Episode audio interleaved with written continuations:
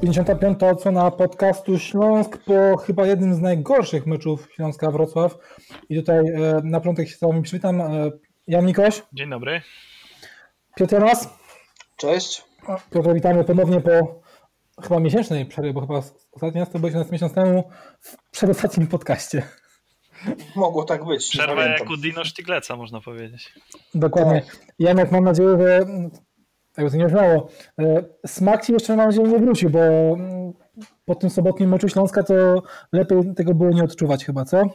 No, wiesz co, nawet jakby mi wrócił, znaczy nie, no tak już mówiąc na serio, to wrócił, ale ciężko było jakikolwiek smak wyczuć w tym meczu sobotnim, bo było to no, naprawdę widowisko stojące na niskim poziomie. E, no jestem w stanie nawet powiedzieć, e, tak mam pewność graniczącą przekonanie graniczące z pewnością, że gdyby w Górniku było dwóch bardzo istotnych zawodników dla tej drużyny, a więc Jesus Jimenez i Erik Janża, no to Śląsk by to spotkanie przegrał, ponieważ e, chyba zupełnie, zupełnie nie miał koncepcji, e, jak sobie poradzić z Górnikiem Zabrze.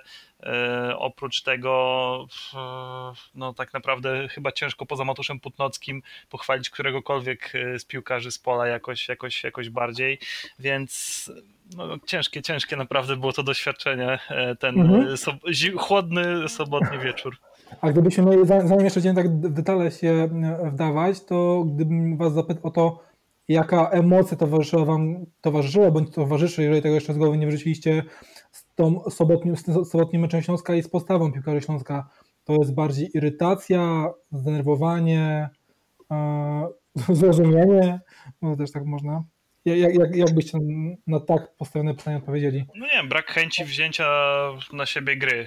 Tak naprawdę o każdym właśnie piłkarzu można, można to powiedzieć, bo albo, albo tej chęci nie było, albo jeśli się już pojawiała jakaś minimalna, no to niestety z jakością były problemy. Popatrzmy sobie na to spotkanie e, w taki sposób, że gdyby no, porównać składy, w jakich wyszły obie drużyny i byśmy to powiedzieli na początku sezonu, nie wiem, po meczu Śląska z Krakowią też dosyć udanym, y, no to chyba wszyscy byśmy się zgodzili, że trzy punkty są obowiązkiem, a, a zdecydowanie bliżej tego zwycięstwa, mimo tego okrojonego składu, był Górnik Zabrze, więc y, dla mnie, dla mnie to naprawdę jest y, dziwne, no bo w ogóle naprawdę jakoś bez, bez pomysłu i bez y, chęci takiego atakowania z rozmachem y, przystąpił do tego spotkania z Wrocław. Nie wiem, może byli też wszyscy przybici tymi informacjami niepokojącymi odnośnie stanu zdrowia Wojciecha Goli, który jest już po operacji i jeszcze raz będzie rehabilitował w ciągu roku, czy nie, niewiele, mm, no tak, w ciągu roku to samo kolano, więc, więc może to przybiło tak zawodników Śląska ten poważny uraz, uraz wicekapitana. No ja w przeciwieństwie do z COVID-em na szczęście nie miałem, a po tym spotkaniu i tak czułem duży niesmak. E, I powiem wam szczerze, że przede wszystkim ja byłem zawiedziony taką bezsilnością piłkarzy Śląska, bo wydaje mi się, że w ogóle pomysł na grę, który polegał na jakimś takim szybkim przetransportowaniu piłkę na połowę przeciwnika długim, długim podaniem i e, zgrywaniem ją e, gdzieś przez Erika Exposito albo po to głównie podłączającego się do ofensywy Piotra Celebana kompletnie nie zdał egzaminu. To nie działało przez całą pierwszą połowę, a w drugiej tak naprawdę nic się nie zmieniło i Śląsk konsekwentnie szedł w tę stronę. Zresztą razem z Jankiem ten mecz oglądaliśmy i obaj łapaliśmy się za głowę. W ogóle gdybyśmy nie mieli tam swojego własnego towarzystwa, to naprawdę można byłoby momentami przysypiać. No to był naprawdę taki, taki klasyczny ligowy dżemik. No, po prostu taki mecz, który wiadomo, że w sezonie się kilka razy przytrafić musi, bo, bo jest to nasza kochana ekstraklasa i, i chociaż nie, nie cierpimy tego typu widowisk, no to no, zwróćcie uwagę, że one regularnie kilka razy na sezon e, się przytrafiają. Akurat rzadko się przytrafiały w ostatnim czasie na stadionie Wrocław, bo przecież tutaj e, przez moment była jakaś seria meczów, gdzie zawsze padały te dwie, trzy bramki, a trochę ostatnio się to popsuło. Nawet ten wygrany mecz z Jagiellonią 1 do 0, no to umówmy się, no to on też pozostało wiele do życzenia, a nawiązuje do tego meczu nie bez powodu, bo mm, wtedy Śląsk tak naprawdę zagrał niemal równie słabo, co z Górnikiem. Takie jest moje, moje zdanie i E, różnica była taka, że wtedy udało się ten mecz wygrać i po, po, tym się poznaje właśnie drużynę, że nawet jak nie idzie, gdzieś ta jedna zawsze wpadnie, zero z tyłu i okej, okay, i jedziemy dalej. No tym razem, tym razem się nie udało i też mam wrażenie, że to Śląsk może się cieszyć, że, że, że ten punkt chociaż został we Wrocławiu, bo tam gdyby troszeczkę lepiej przymierzył Aleks Sobczyk czy Piotr Krawczyk, to, to Górnik miałby trzy punkty. Właśnie tak, tak patrzę właśnie w notatki jeszcze z poprzedniego odcinka, który z Jankiem nagrywaliśmy i ja mam tam taki punkt asekuracyjna gra Śląska i tak pod tym kątem patrzę na to kolejne spotkanie, e, to z Górnikiem Zabrze i tak nie chcę mi się wierzyć, że nagle e, ten pomysł e, na grę piłkarze Śląska zgubili, że nagle wszyscy zawodnicy stracili jak, jak, w, magicz, jak w kosmicznym meczu umiejętności piłkarskie, czy, czy chociażby chęć czy zaangażowanie.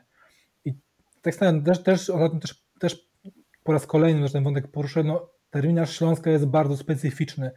Ciężko jest tutaj zapaść ten, e, jak dobrze wiemy, dość istotny w polskim zakresie rytm meczowy. I teraz nie wiem, czy, w sensie, czy to jest bardziej, czy postawię mieć tezę, czy takie głośne myślenie, czy to może nie jest tak, że takie było założenie trenera Lawiczki, żeby nie ryzykować, żeby E, mimo wszystko, jeżeli, patrząc dalej, jak się ten mecz rozwijał, jeżeli ten punkt będzie do zdobycia bardzo realnie i, e, i, i konkretnie, tak, tak jak się ten mecz też tak toczył, że on będzie osiągalny bez większego nakładu sił i otwierania się, to może to też mógł być cel z Waszej opinii, że zdobyć punkt z górnikiem, czy raczej było to tylko spowodowane po prostu gorszą, gorszą dyspozycją dnia u większości zawodników? No chyba to jak w życiu wiele było zmiennych, bo tak naprawdę y, już to o czym powiedziałem na początku, widzisz taki skład górnika, no to musisz, musisz chcieć wygrać, to nie ma w ogóle innej opcji. Nie sądzę, żeby e, trener Lawiczka przed spotkaniem dopuszczał jako ewentualnie takie przyjęcie, no wiadomo, że nie z pełną satysfakcją, ale tego punktu z szacunkiem. Wydaje mi się, że raczej, raczej tam była irytacja, no i, no i spore niepocieszenie po tym spotkaniu w szatni.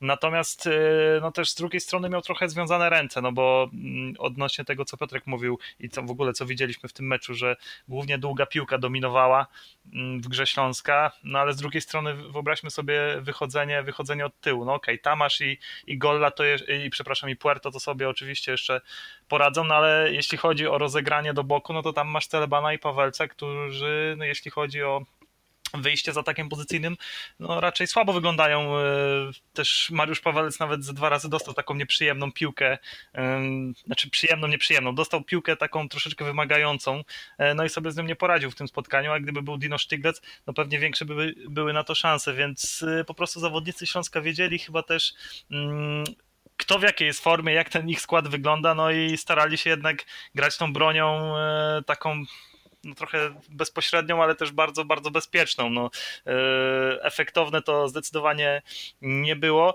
I też dziwi mnie postawa akurat Waldemara Soboty i Krzysztofa Mączyńskiego, bo oni w ogóle nie, nie, nie schodzili niżej, nie robili tego wejścia między stoperów. Natomiast wchodzi Maciej Połaszewski, nie pamiętam już teraz, która to była minuta, ale chyba po 80 za Waldemara, czy koło 80. Końcówka drugiej połowy, tak. E, koło 80 minuty wchodzi za Waldemara Sobotę i pierwsze co robi, jak Putnocki ma piłkę, to wchodzi między tych stoperów. Pytanie, czy teraz e, to była inwencja e, Macieja Pałaszewskiego, czy takie już były zalecenia od trenera, żeby jednak e, pomógł z, wypro z wyprowadzeniem e, tej piłki od tyłu. No naprawdę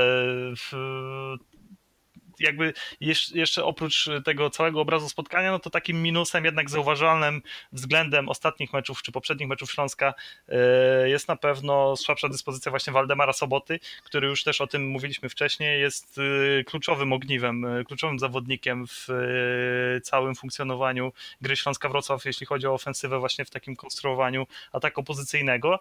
No i niestety to się, to się odbiło, było to bardzo widoczne. No tak, ja się zgadzam z tym, co powiedział Janek. Dla mnie to Śląsk Wrocław u siebie, bez względu na to, czy Górnik przyjeżdża e, w tak okrojonym składzie jak, jak tym razem, czy z Jimenezem i Janżą, no musi grać o zwycięstwo. Tu, tu nie ma takiego rywala w tej lidze, który e, może przyjechać na stadion Wrocław i o którym musielibyśmy powiedzieć, czy, czy ten Lawiczka miałby powiedzieć, że ok, jeden punkt będzie dobry. Nie, nie ma czegoś takiego. No. Z Lechem Poznań, który wydawało się, że był w szczytowej formie, przynajmniej w Lidze Europy, udało się zremisować. A jeszcze przypominam, że z Lechem jak Śląsk wtedy wyglądał kadrowo, prawda? i ten mecz można było wygrać. Tam naprawdę niedużo brakowało, więc y, ja absolutnie nie przyjmuję takiego myślenia i nie wierzę, że takie myślenie jest wśród y, piłkarzy czy w sztabie Śląska, że ok, są tacy rywale, że jeden punkt u siebie jest git. Nie jest git i trzeba grać o, o zwycięstwo w każdym i to, że Śląsk nie wykorzystał tak dużego osłabienia górnika, to naprawdę obawiam się, że to się może gdzieś tam odbić y, w końcówce sezonu.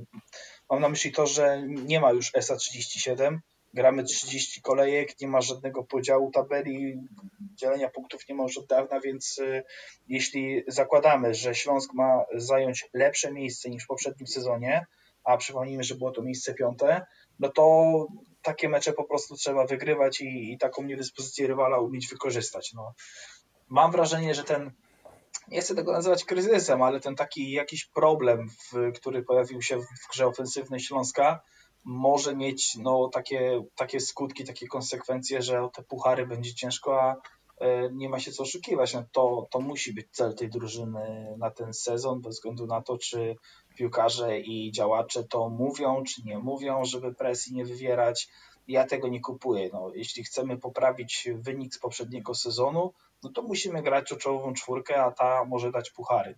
I mhm. z taką grą jak dzisiaj, no będzie bardzo, jak dzisiaj, jak w ostatnim meczu z Górnikiem, mhm. będzie bardzo, bardzo słabo. No właśnie, ale to czy możemy już powiedzieć, yy, to już możemy nazwać kryzysem, bo jak patrzymy na, na ostatni mecz, to remis po bardzo kiepskim meczu yy, z Górnikiem, yy, wygrana z Jagiellonią też nie poza, poza na, na, najlepszą grą, porażka na Legii i porażka w Płotku, to są te, to jest te pięć, cztery spotkania od tej przerwy na kadrę takiej pierwszej, odkąd ten Śląsk zaczął znowu tymi, tymi falami grać, czy to jest coś, co można już e, dopatrywać takiego kryzysu bardziej wynikającego e, nie tylko z błędów indywidualnych, czy na razie to, to wszystko, co się teraz opiera, waszym zdaniem, e, to jest to, co mówiliśmy, czyli na przykład brak ofensywnego wsparcia, jeżeli chodzi o bożny obrońców, co wiemy, że przy stylu gry Śląska jest bardzo istotne.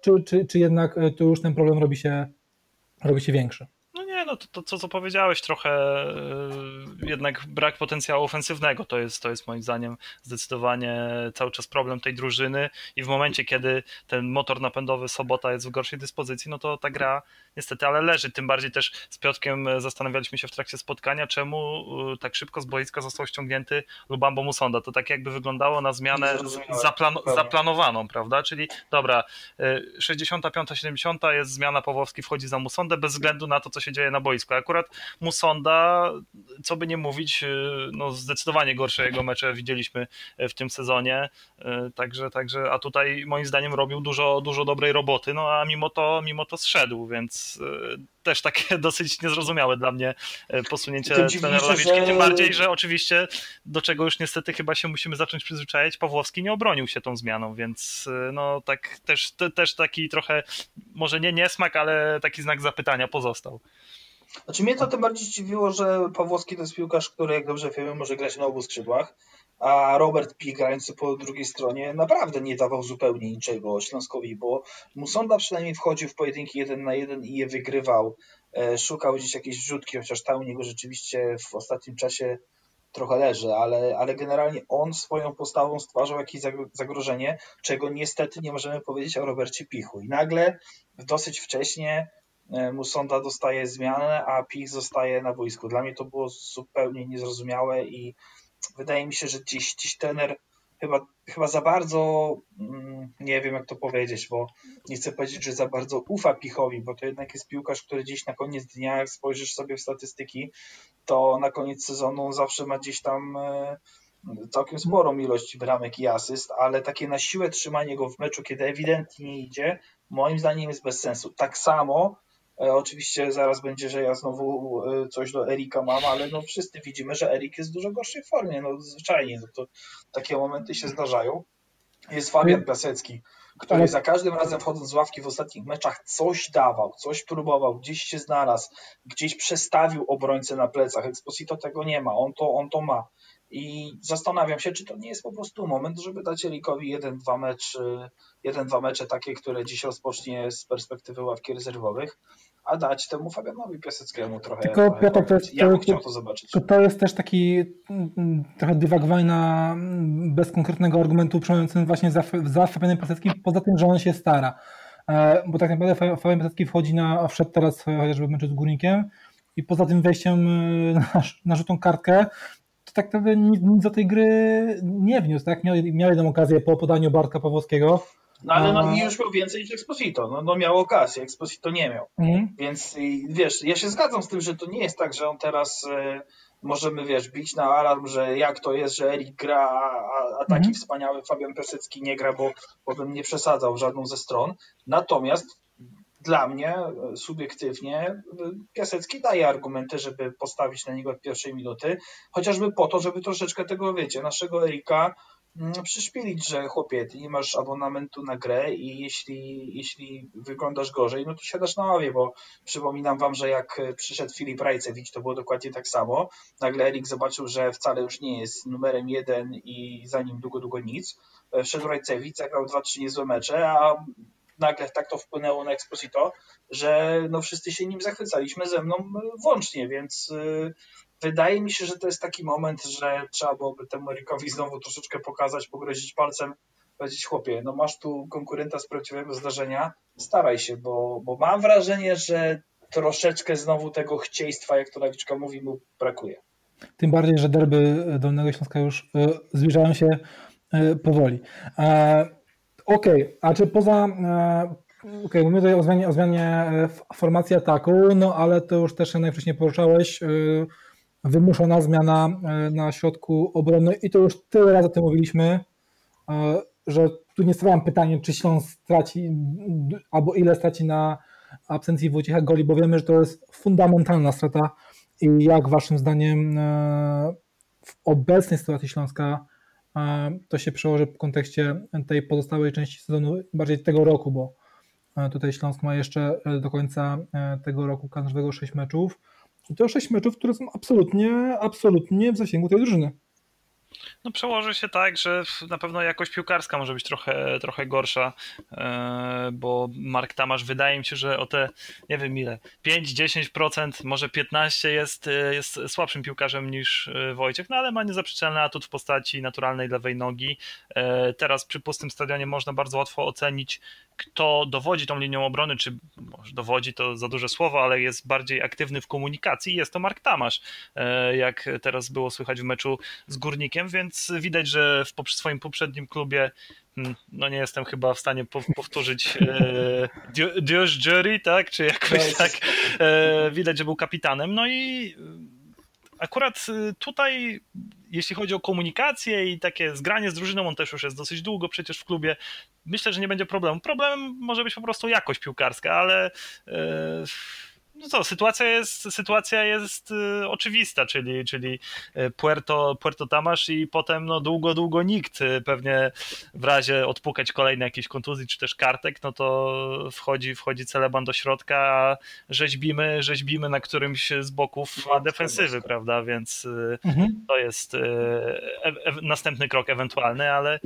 Tak, pytanie od razu do Ciebie, nie wiem, czy już też jakoś robię rozdanie, czy ta absencja Wojciecha Goli w kontekście tego, że to jest ponowny uraz tego, tych, tej, tej, tej, samej, tej samej nogi, więc tutaj e, nie wydaje mi się, żeby powrót Wojciecha Goli do gry był e, ani szybki, ani tym bardziej przyspieszany. Czy w takim razie, tak jak powiedział, czy to jest przesuwanie ewentualnie Piotra Celebana bądź Marsza Pawelca na środek boiska, bądź odkurzanie Diego Żywulicza i ewentualne no i ewentualne wzmacnianie. Ciekawe, czy oni pamiętacie, Filip. Byłem ciekawy, czy oni pamiętacie, bo Pamiętamy. mi się właśnie wydaje, że on może wrócić, zwłaszcza mając na uwadze obecny pomysł na grę. Ja tego pomysłu entuzjastą nie jestem, ale jeśli chcemy grać z pominięciem drugiej linii, która w tym momencie wygląda jak wygląda, e, o czym już Janek powiedział, e, i szukamy dokładnego, długiego przerzutu, no to zwróć uwagę, że Żiwulić to ma. Ja pamiętam, że kiedy on przychodził do Śląska i każdy z nas gdzieś tam robił jakiś research, starał się coś dowiedzieć o tym gościu, oglądałem jakieś filmiki z jego grą no to to, coś mi się rzucało w oczy, to właśnie te precyzyjne, długie przerzuty, które w Śląsku też pokazywał.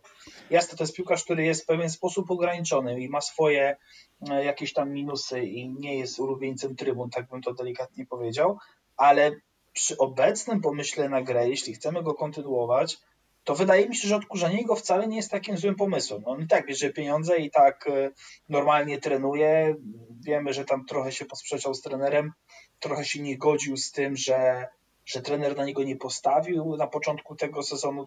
To jest zresztą cała geneza tego konfliktu, e, przez który on został odsunięty, ale jak wiadomo, znaleźć nowego klubu mu się nie udało, został i trener Lawiczka nie zamyka przed nim definitywnie drzwi i ja nie wiem, czy w obecnej sytuacji, znaczy wiecie, w obecnej sytuacji to może nie, ale jak się za chwilę posypią kartki, nie daj Boże kolejne jakieś zakażenia, ja się kompletnie nie zdziwię, jak on wróci i nawet jak on wróci do gry na środku obrony. Tak może być, zwłaszcza, że jak wiemy w Golla no niestety odnowiła mu się ta kontuzja, to jest ta sama noga, która była poprzednio oporowana, nie jestem lekarzem, nie wiem, czy to dobrze, czy źle, y, że to nie jest druga noga, ale no, dobrze na pewno nie. Więc y, no, wydaje mi się, że z biegiem sezonu, gdzie tych natężenie meczów może być spore, bo już teraz widzimy, ile meczów jest przekładanych, wiele na pewno jeszcze będzie. E, praktycznie, no niemalże nie ma klubu, który nie ma, wiecie, że jakieś tam na, na zaległości, które dopiero co odrabiał albo, albo jeszcze odrobić musi to wydaje mi się, że gdzieś tam w pewnym momencie może być tak, że trener po niego sięgnie. I sam jestem w sumie ciekaw, mm, czy to wypali, bo mnie się wydaje, wiecie, że ten Żywulic to nie jest aż tak sobie piłkarz, jak e, wielu, wielu osobom się wydaje. Ma, ma w sobie coś Starasowca, że potrafi nagle odwalić coś, co, e, co sprawia, że, że, że, że no, no nawet wynik po prostu nam pada, ale e, ja bym mu jeszcze dał szansę. Ja myślę, że bardzo szybko otrzymam odpowiedź na to, czy Diego Żywulić ma jeszcze jakąś e, przyszłość Śląską Wrocław, mianowicie e, już jutro o 13, kiedy rezerwy Śląska pojadą do Krakowa. Wiemy, że Konrada poprawy nie będzie z wiadomych względów e, i... E, już jutro Janek, czyli środę, bo nagramy to we wtorek, to też... Tak jest. A, a, e, I wiemy, że Żywulić w zasadzie chyba w każdym meczu, albo prawie każdym, teraz nie dam sobie ręki uciąć, był na ławce jako właśnie ta taka absolutnie awaryjna opcja, gdyby musiał właśnie ktoś wejść na środek obrony. Ani razu się z tej ławki nie podniósł, no, ze względu na swoją sytuację w klubie. No i ten mecz jutrzejszy faktycznie będzie już jakąś odpowiedzią na to, czy Żywulić y, będzie brany pod uwagę jako ten taki no naprawdę głęboki, z dalekiego szeregu zastępca. Mm, jeśli nie wyjdzie w pierwszym składzie w rezerwach, no to dla mnie to, to no nie wiem, ja jak te, też, może nie ostatnio, parę tygodni temu podpytywałem, czy coś się zmieniło, jeśli chodzi o jego pozycję, to uzyskałem oczywiście odpowiedź, negatywną, czyli, czyli no Diego, Diego w Śląsku najprawdopodobniej już nie zagra w, w pierwszej drużynie, więc yy, zobaczymy, zobaczymy jutro e, ten pierwszy krok e, w rezerwach, czy zostanie wykonany, czy też na przykład zostanie e, wystawiony Mariusz Pawelec. No zobaczymy, także, także to, to jest moim zdaniem na razie bardzo wróżenie z fusów. Ja się trzymam tego, że, że Żywulić, żeby zagrał w pierwszej drużynie, to by musieli, musieli być wszyscy po prostu zawodnicy, którzy mogliby zagrać w obronie niedostępni. Wtedy on by wyszedł. A mi się wydaje, że on dalej jest, wiesz, w, w rankingu Lawiczki gdzieś przed Konradem Poprawą na przykład i kilkoma takimi jeszcze piłkarzami, którzy mogą grać z konieczności na środku. Na przykład mam takie wrażenie, że on jest też w hierarchii przed Piotrem Celebanem, jeśli chodzi o środkowych obrońców, bo po prostu Piotr Celeban na środku, trener Lawiczki, mm, no to nie wyglądał dobrze i, i, wydaje mi się, że trener już kompletnie nie Posłuchaj, na, pamiętamy na luty zeszłego, nie, luty tego roku, mecz w Szczecinie, środek obrony Celeban Żywulic, zero z tyłu, także fakt nie opinia. Życie, życie, no zdarza się. E, Piotrek, to jeszcze do Ciebie jeszcze jedno pytanie w takim razie, jak wygląda sytuacja trzech bocznych obrońców? Mam tu na myśli oczywiście tego, który powrócił do gry po długiej przerwie Guillermo Cotunio, e, ale też dwójki, e, dwójki naszych Polaków, czyli Patryka Janasika i pamiętamy jeszcze o nim, Mateusza Maćkowiaka. Znaczy Mateusz Maćkowiak to jest chyba piłkarz, który po prostu nie przekonał bo ja kompletnie nie rozumiem, dlaczego on jest tak bardzo daleko poza grą. E, ale on nawet w rezerwach jakoś nie daje, wiecie, argumentów, żeby, żeby na niego postawić. Poza tym on też miał długo problem z COVID-em. Ten problem polegał na tym, że to laboratorium, z którym współpracuje Ekstraklasa, twierdziło, że on dalej covid ma, a gdzieś dwa inne niezależne laboratoria, w których on na własną rękę się badał, e, twierdziły, że nie ma i wiecie, on bardzo długo nie trenował i tam są takie perturbacje, no ale pamiętajmy, że ten gość, y, poprawcie mnie, jeśli się mylę, ale on nie zadebiutował w pierwszej drużynie chyba nawet. Nie zadebiutował, oczywiście.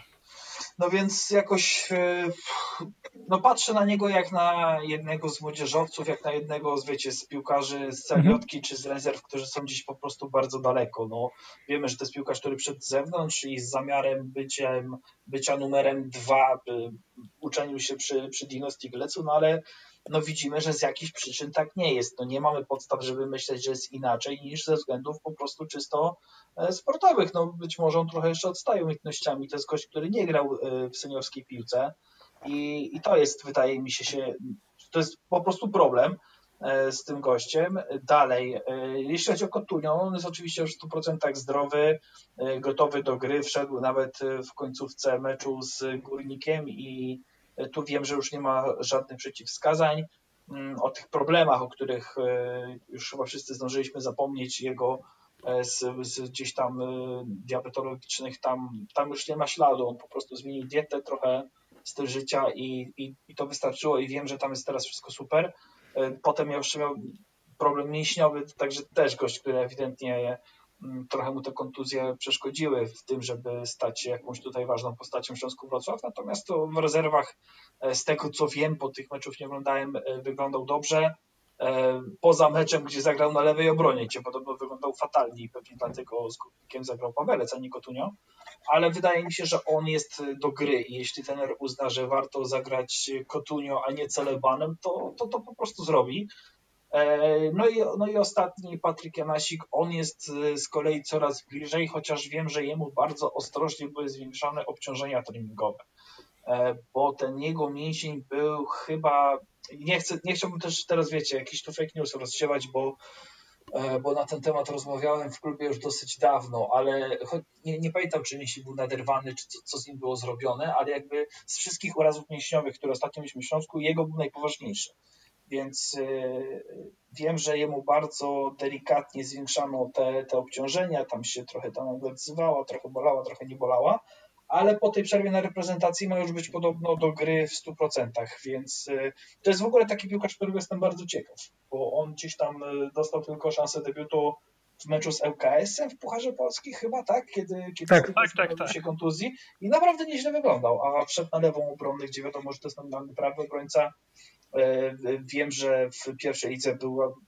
bardzo wyróżniającą się postacią na swojej pozycji i ja na niego patrzę, powiem wam szczerze, mając na nie wiem, mając w treningu trzech prawych obrońców, wszyscy zdrowi i w pełni formy, mam tu na myśli Celebana, Kotunio i Janasika, to ja patrzę na Janasika jako na piłkarza do pierwszego składu.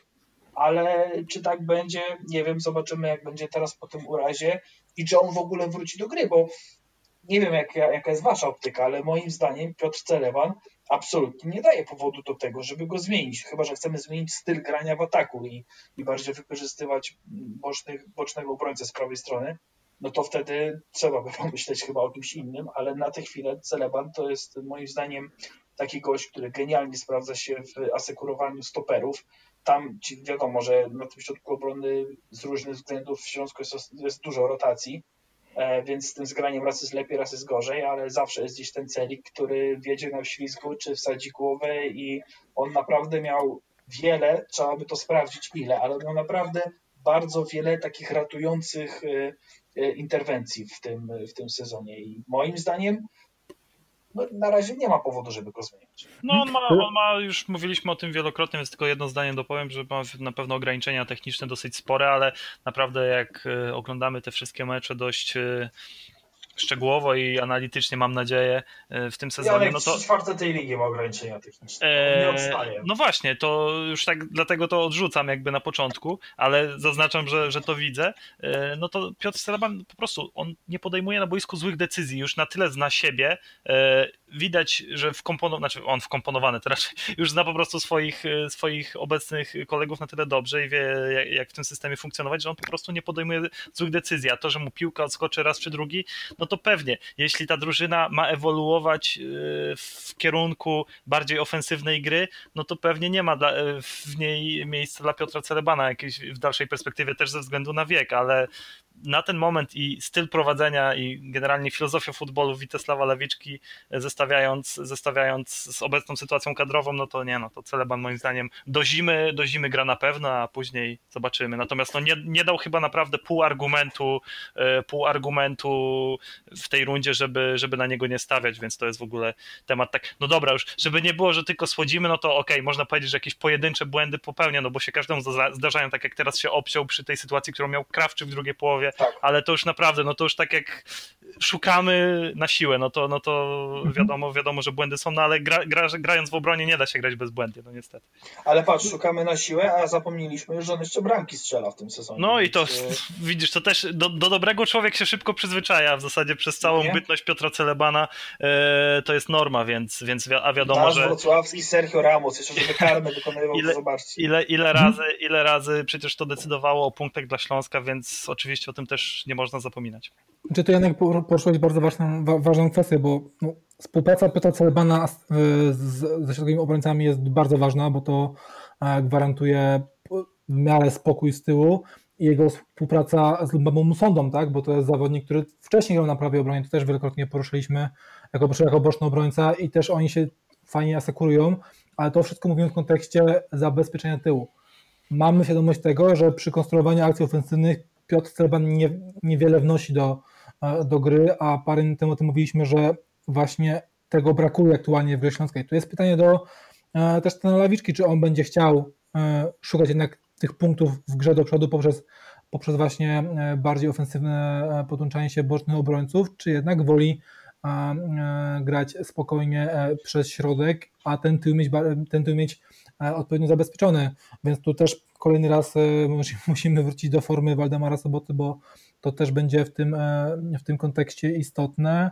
E, no bo to jest chyba taki klucz do tego, czy Piotr Leban, e, który faktycznie nie, daje powodów, żeby szukać za niego zmiennika, e, no ale Patryk Janacik też po coś do tego Śląska był ściągany i mi się wydaje, że właśnie po to, żeby ten spokój z tyłu był, ale też, żeby jednak te ofensywne walory Śląska były, były, były większe i to, to jest tutaj kluczowe pytanie. No to już automatycznie też przejdźmy do tego kolejnego, już ostatniego wątku. Tak jak wcześniej wspominałem, sześć meczów E, do końca roku kalendarzowego. Jeżeli nic się nie wywróci e, w związku e, z cały czas szalejącym koronawirusem, no to trzy mecze u siebie, trzy mecze na wyjeździe i wydaje mi się, że jest taki nie chcę, staram się nie użyć określenia dobry kalendarz, bo to w naszej ekstraklasie jest niezbyt dobre określenie, ale wydaje mi się, że dość sprzyjający kalendarz ze Śląska, bo to Przypomnijmy, 20 listopada wyjazd do Lechii Gdańsk, dalej e, drugi mecz e, tydzień później e, wyjazd do Bielska Białej, gdzie no, też wiemy, że można, można punkty zdobywać. Potem u siebie, co istotne, mecz z Rakowem Częstochowa, później wyjazd do, do Lubina na, na derby z Zagłębiem i na koniec u siebie Warta Poznań, więc no, dlatego właśnie zastanawiam się, czy są też pytania o te boki obrony, czy to e, z naciskiem właśnie na e, Patryka Nasika, że to jest czas na jego powrót do gry, czy ten Śląsk będzie dalej takim Śląskiem e, zachowawczym, okay, wyrachowanym, bo to może nawet lepsze określenie, czy raczej odrobina w cudzysłowie szaleństwa na lawiczki i próba jednak zawalczenia o te punkty, bo to są punkty, które mogą być w kontekście drugiej części sezonu, o którym już wcześniej mówiliśmy, bardzo istotne, bo wydaje mi się, że E, już po tym, e, na pewno po tej, e, po tej pierwszej rundzie będzie można śmiało ocenić, czy Śląsk będzie miał szansę walczyć o puchary, czy też nie. I oddaję głos po tym moim trochę przydługim wywodzie. Ale komu oddajesz, bo widzisz, teraz jest cisza. Ja krótko powiem. Wydaje mi się, że zmiany nie będzie. To bardzo kontrowersyjna teza, zważywszy na ruchy trenera Lawiczki, odkąd jest we Wrocławiu. Celeban w pierwszym składzie do końca tego roku na pewno, ale też, żeby tak nie ogólniać, y, no to tak naprawdę z tych meczów, o których powiedziałeś, to jedyny, y, no dobra, może dwa. Dwa mecze są takie, gdzie te boki obrony mogą być faktycznie y, problematyczne, że tam jednak no, będzie, będzie dużo wiatru i zagrożenie będzie stamtąd nadchodziło, a więc to będą mecze z, to będzie jeden mecz, przepraszam, z Rakowem Częstochowa, a drugi, gdzie te boki będą potrzebne w ofensywie, to będzie mecz u siebie z Wartą Poznań, która wiadomo, że stanie całą drużyną na własnej połowie i będzie się dość głęboko broniła, więc, y, więc tutaj, tutaj to będą, będą problemy, ale nie, to będzie znowu mm, zbilansowana, taka zrównoważona gra. No pytanie, czy na takim poziomie kreatywności jak e, z Jagiellonią i z Górnikiem, miejmy nadzieję, że e, jednak analiza tych ostatnich spotkań no pomoże, pomoże Śląskowi troszeczkę odzyskać tego wigor, wigoru polotu. Na pewno puste trybuny nie pomagają, to już też nie będziemy po raz 58 tego mówić, ale no kurczę, na pewno potencjał w tej drużynie jest większy niż ostatnio, ostatnio yy, oglądamy. No problemem są oczywiście te mecze grane co dwa tygodnie, teraz przecież jest znowu przerwa reprezentacyjna. No ciężko, ciężko, no ale już naprawdę nie, nie narzekajmy, bo Śląsk moim zdaniem jest y, kadra i generalnie siła e, czysto piłkarska tej drużyny jest e, naj, najwyższa od lat, więc, więc wymagajmy o nich, od nich teraz, teraz troszeczkę więcej niż w poprzednich sezonach. Także ja liczę, że w tych ostatnich sześciu spotkaniach e, no przynajmniej, przynajmniej trzy zakończą się zwycięstwami Śląska. Znaczy ja też się zgadzam z Jankiem, e, moim zdaniem też zmiany w składzie nie będzie, chociaż ja bardzo chciałbym zobaczyć na przykład właśnie w starciu z Wartą Poznań, e, gdzie naprawdę trzeba zwiększyć e, siłę ognia, na przykład Patryka Janasika, ale z drugiej strony wiem też, że dla trenera Lawiczki w tym momencie zacelebanem jest w hierarchii Kotunio, który gdzieś tam wrócił do gry tak po lawiczkowemu, nie? czyli wiecie, wyzdrowiał, pograł w rezerwach, wszedł z ławki, powiedzmy, że gdzieś kolejnym krokiem byłoby wejście do, do podstawowego składu. Z drugiej strony, jeśli w ogóle do takiej zmiany na prawej obronie teraz jeszcze przed końcem roku dojdzie, bo tutaj też y, chciałbym się z Jankiem zgodzić, że y, właśnie ten okres zimowej przerwy, okres przygotowawczy pewnie gdzieś wpłynie na to, że, że, że na wiosnę będziemy oglądać mm, nieco bardziej ofensywny wariant na prawej obronie i pewnie, pewnie Cerebon znów wróci na ławkę, chociaż też nie, nie przesądzam tego, ale ja chciałbym zobaczyć właśnie w takim meczu, gdzie Śląsk musi zaatakować i wiadomo, że rywal stanie z tyłu jak Warta, tak bardziej ofensywnego prawego obrońcę. I, i czy to będzie Kotunio, czy Janasik, to jeśli w ogóle do tego dojdzie, to pewnie będzie to Kotunio, ale wiecie, ja nie mam przekonania, czy, czy ten facet pasuje stylem. E, do gry Śląska, bo on y, nie ma takiego nawyku, że idzie do końca i daje, daje dośrodkowanie. On dziś szuka jakiejś e, kombinacyjnej gry, szuka tych trójkątów, y, zagrań sklepki. To jest po prostu inny typ y, piłkarza. Wiedzieliśmy o tym, kiedy tutaj przychodził i stąd też ten jego krótszy, półtora roczny kontrakt. Kolejna ważna rzecz e, jak nie dasz szansy Kotunio teraz, no to nie przekonasz się, czy w ogóle jest sens ten kontrakt przedłużać, czy go nie ma. I E, to też wydaje mi się gdzieś e, w pewien sposób problematyczne dla Lewiczki, no bo ma gościa, o którym mówi, że jest z niego zadowolony, a z drugiej strony e, on ma ciągle problemy zdrowotne, a nawet kiedy jest zdrowy, no to, to ma takiego pecha, że Celeban jest w dobrej formie i, i nie ma powodu, żeby, żeby go zmieniać. I to jest tak naprawdę, wydaje mi się, że żeby na każdej pozycji była taka rywalizacja, jak na tej prawej obronie, to naprawdę byłoby bardzo dobrze. E, wiemy, że nie wszędzie jest aż tak e, szeroki wachlarz, chociaż w tym momencie, kiedy wszyscy są e, zdrowi, kiedy nie ma nowych zakażeń, to naprawdę wydaje mi się, że to pole manewru jest szerokie i ja bym chciał, żeby trener Lewiczka trochę częściej korzystał z piłkarzy właśnie jak Kotunio, jak Janasik, jak Rafał Makowski na przykład.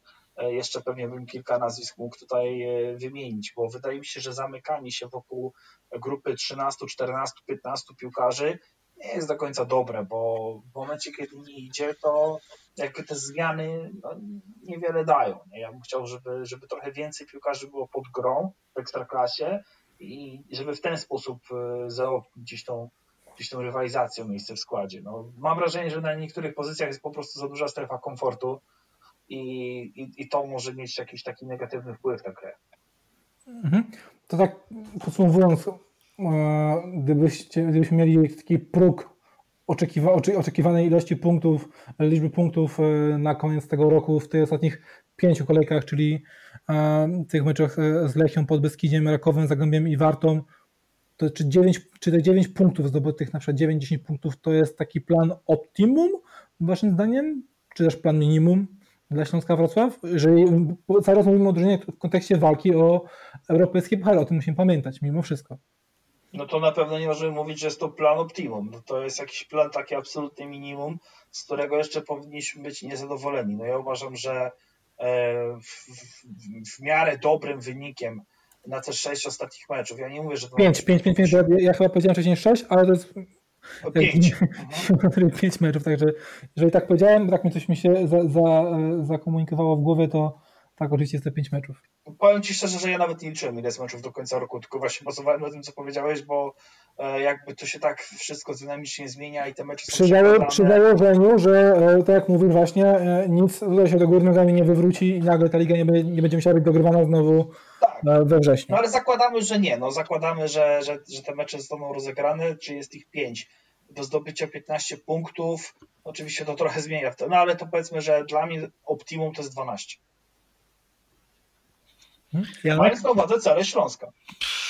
Nie, no to ja, ja nie będę jakoś tutaj zmieniał tego, co powiedziałem. Dla mnie 9, może 10 punktów to jest, y, to jest, to jest jak najbardziej akceptowalne. Tabela już widać, że w tym sezonie raczej będzie płaska. Nie, nie wydaje się, żeby tu się nagle pojawiła drużyna, która jakoś mocno odjedzie. No nie wiem, ciężko powiedzieć, co z tą Legią będzie, no bo jednak tam faktycznie ta kadra jest szeroka, e, można dysk dyskutować o dyspozycji poszczególnych zawodników, ale e, popatrzmy sobie na liczby, no jeśli Śląsk by zdobył 10 punktów, miałby 24 po 14 meczach, no to to nie jest jakoś, jakoś tragicznie, także wydaje mi się, że wtedy, tylko wiecie, no to cały czas jest takie wróżenie z fusów, że nawet już mi się odechciewa o tym mówić, no co z tego, że wszystko fajnie, jak na przykład potem e, luty, pierwszy mecz ze Stalą Mielec, nie wiem, przyjdzie znowu mm, jakaś większa liczba zakażonych, no i dziękujemy. Widzimy, co się dzieje teraz z Mateuszem Praszelikiem, prawda? Dostał powołanie, mhm. już grał przecież e, w spotkaniu z Górnikiem, bo miał wynik negatywny po testach robiony w klubie, teraz cofnięty ze zgrupowania, bo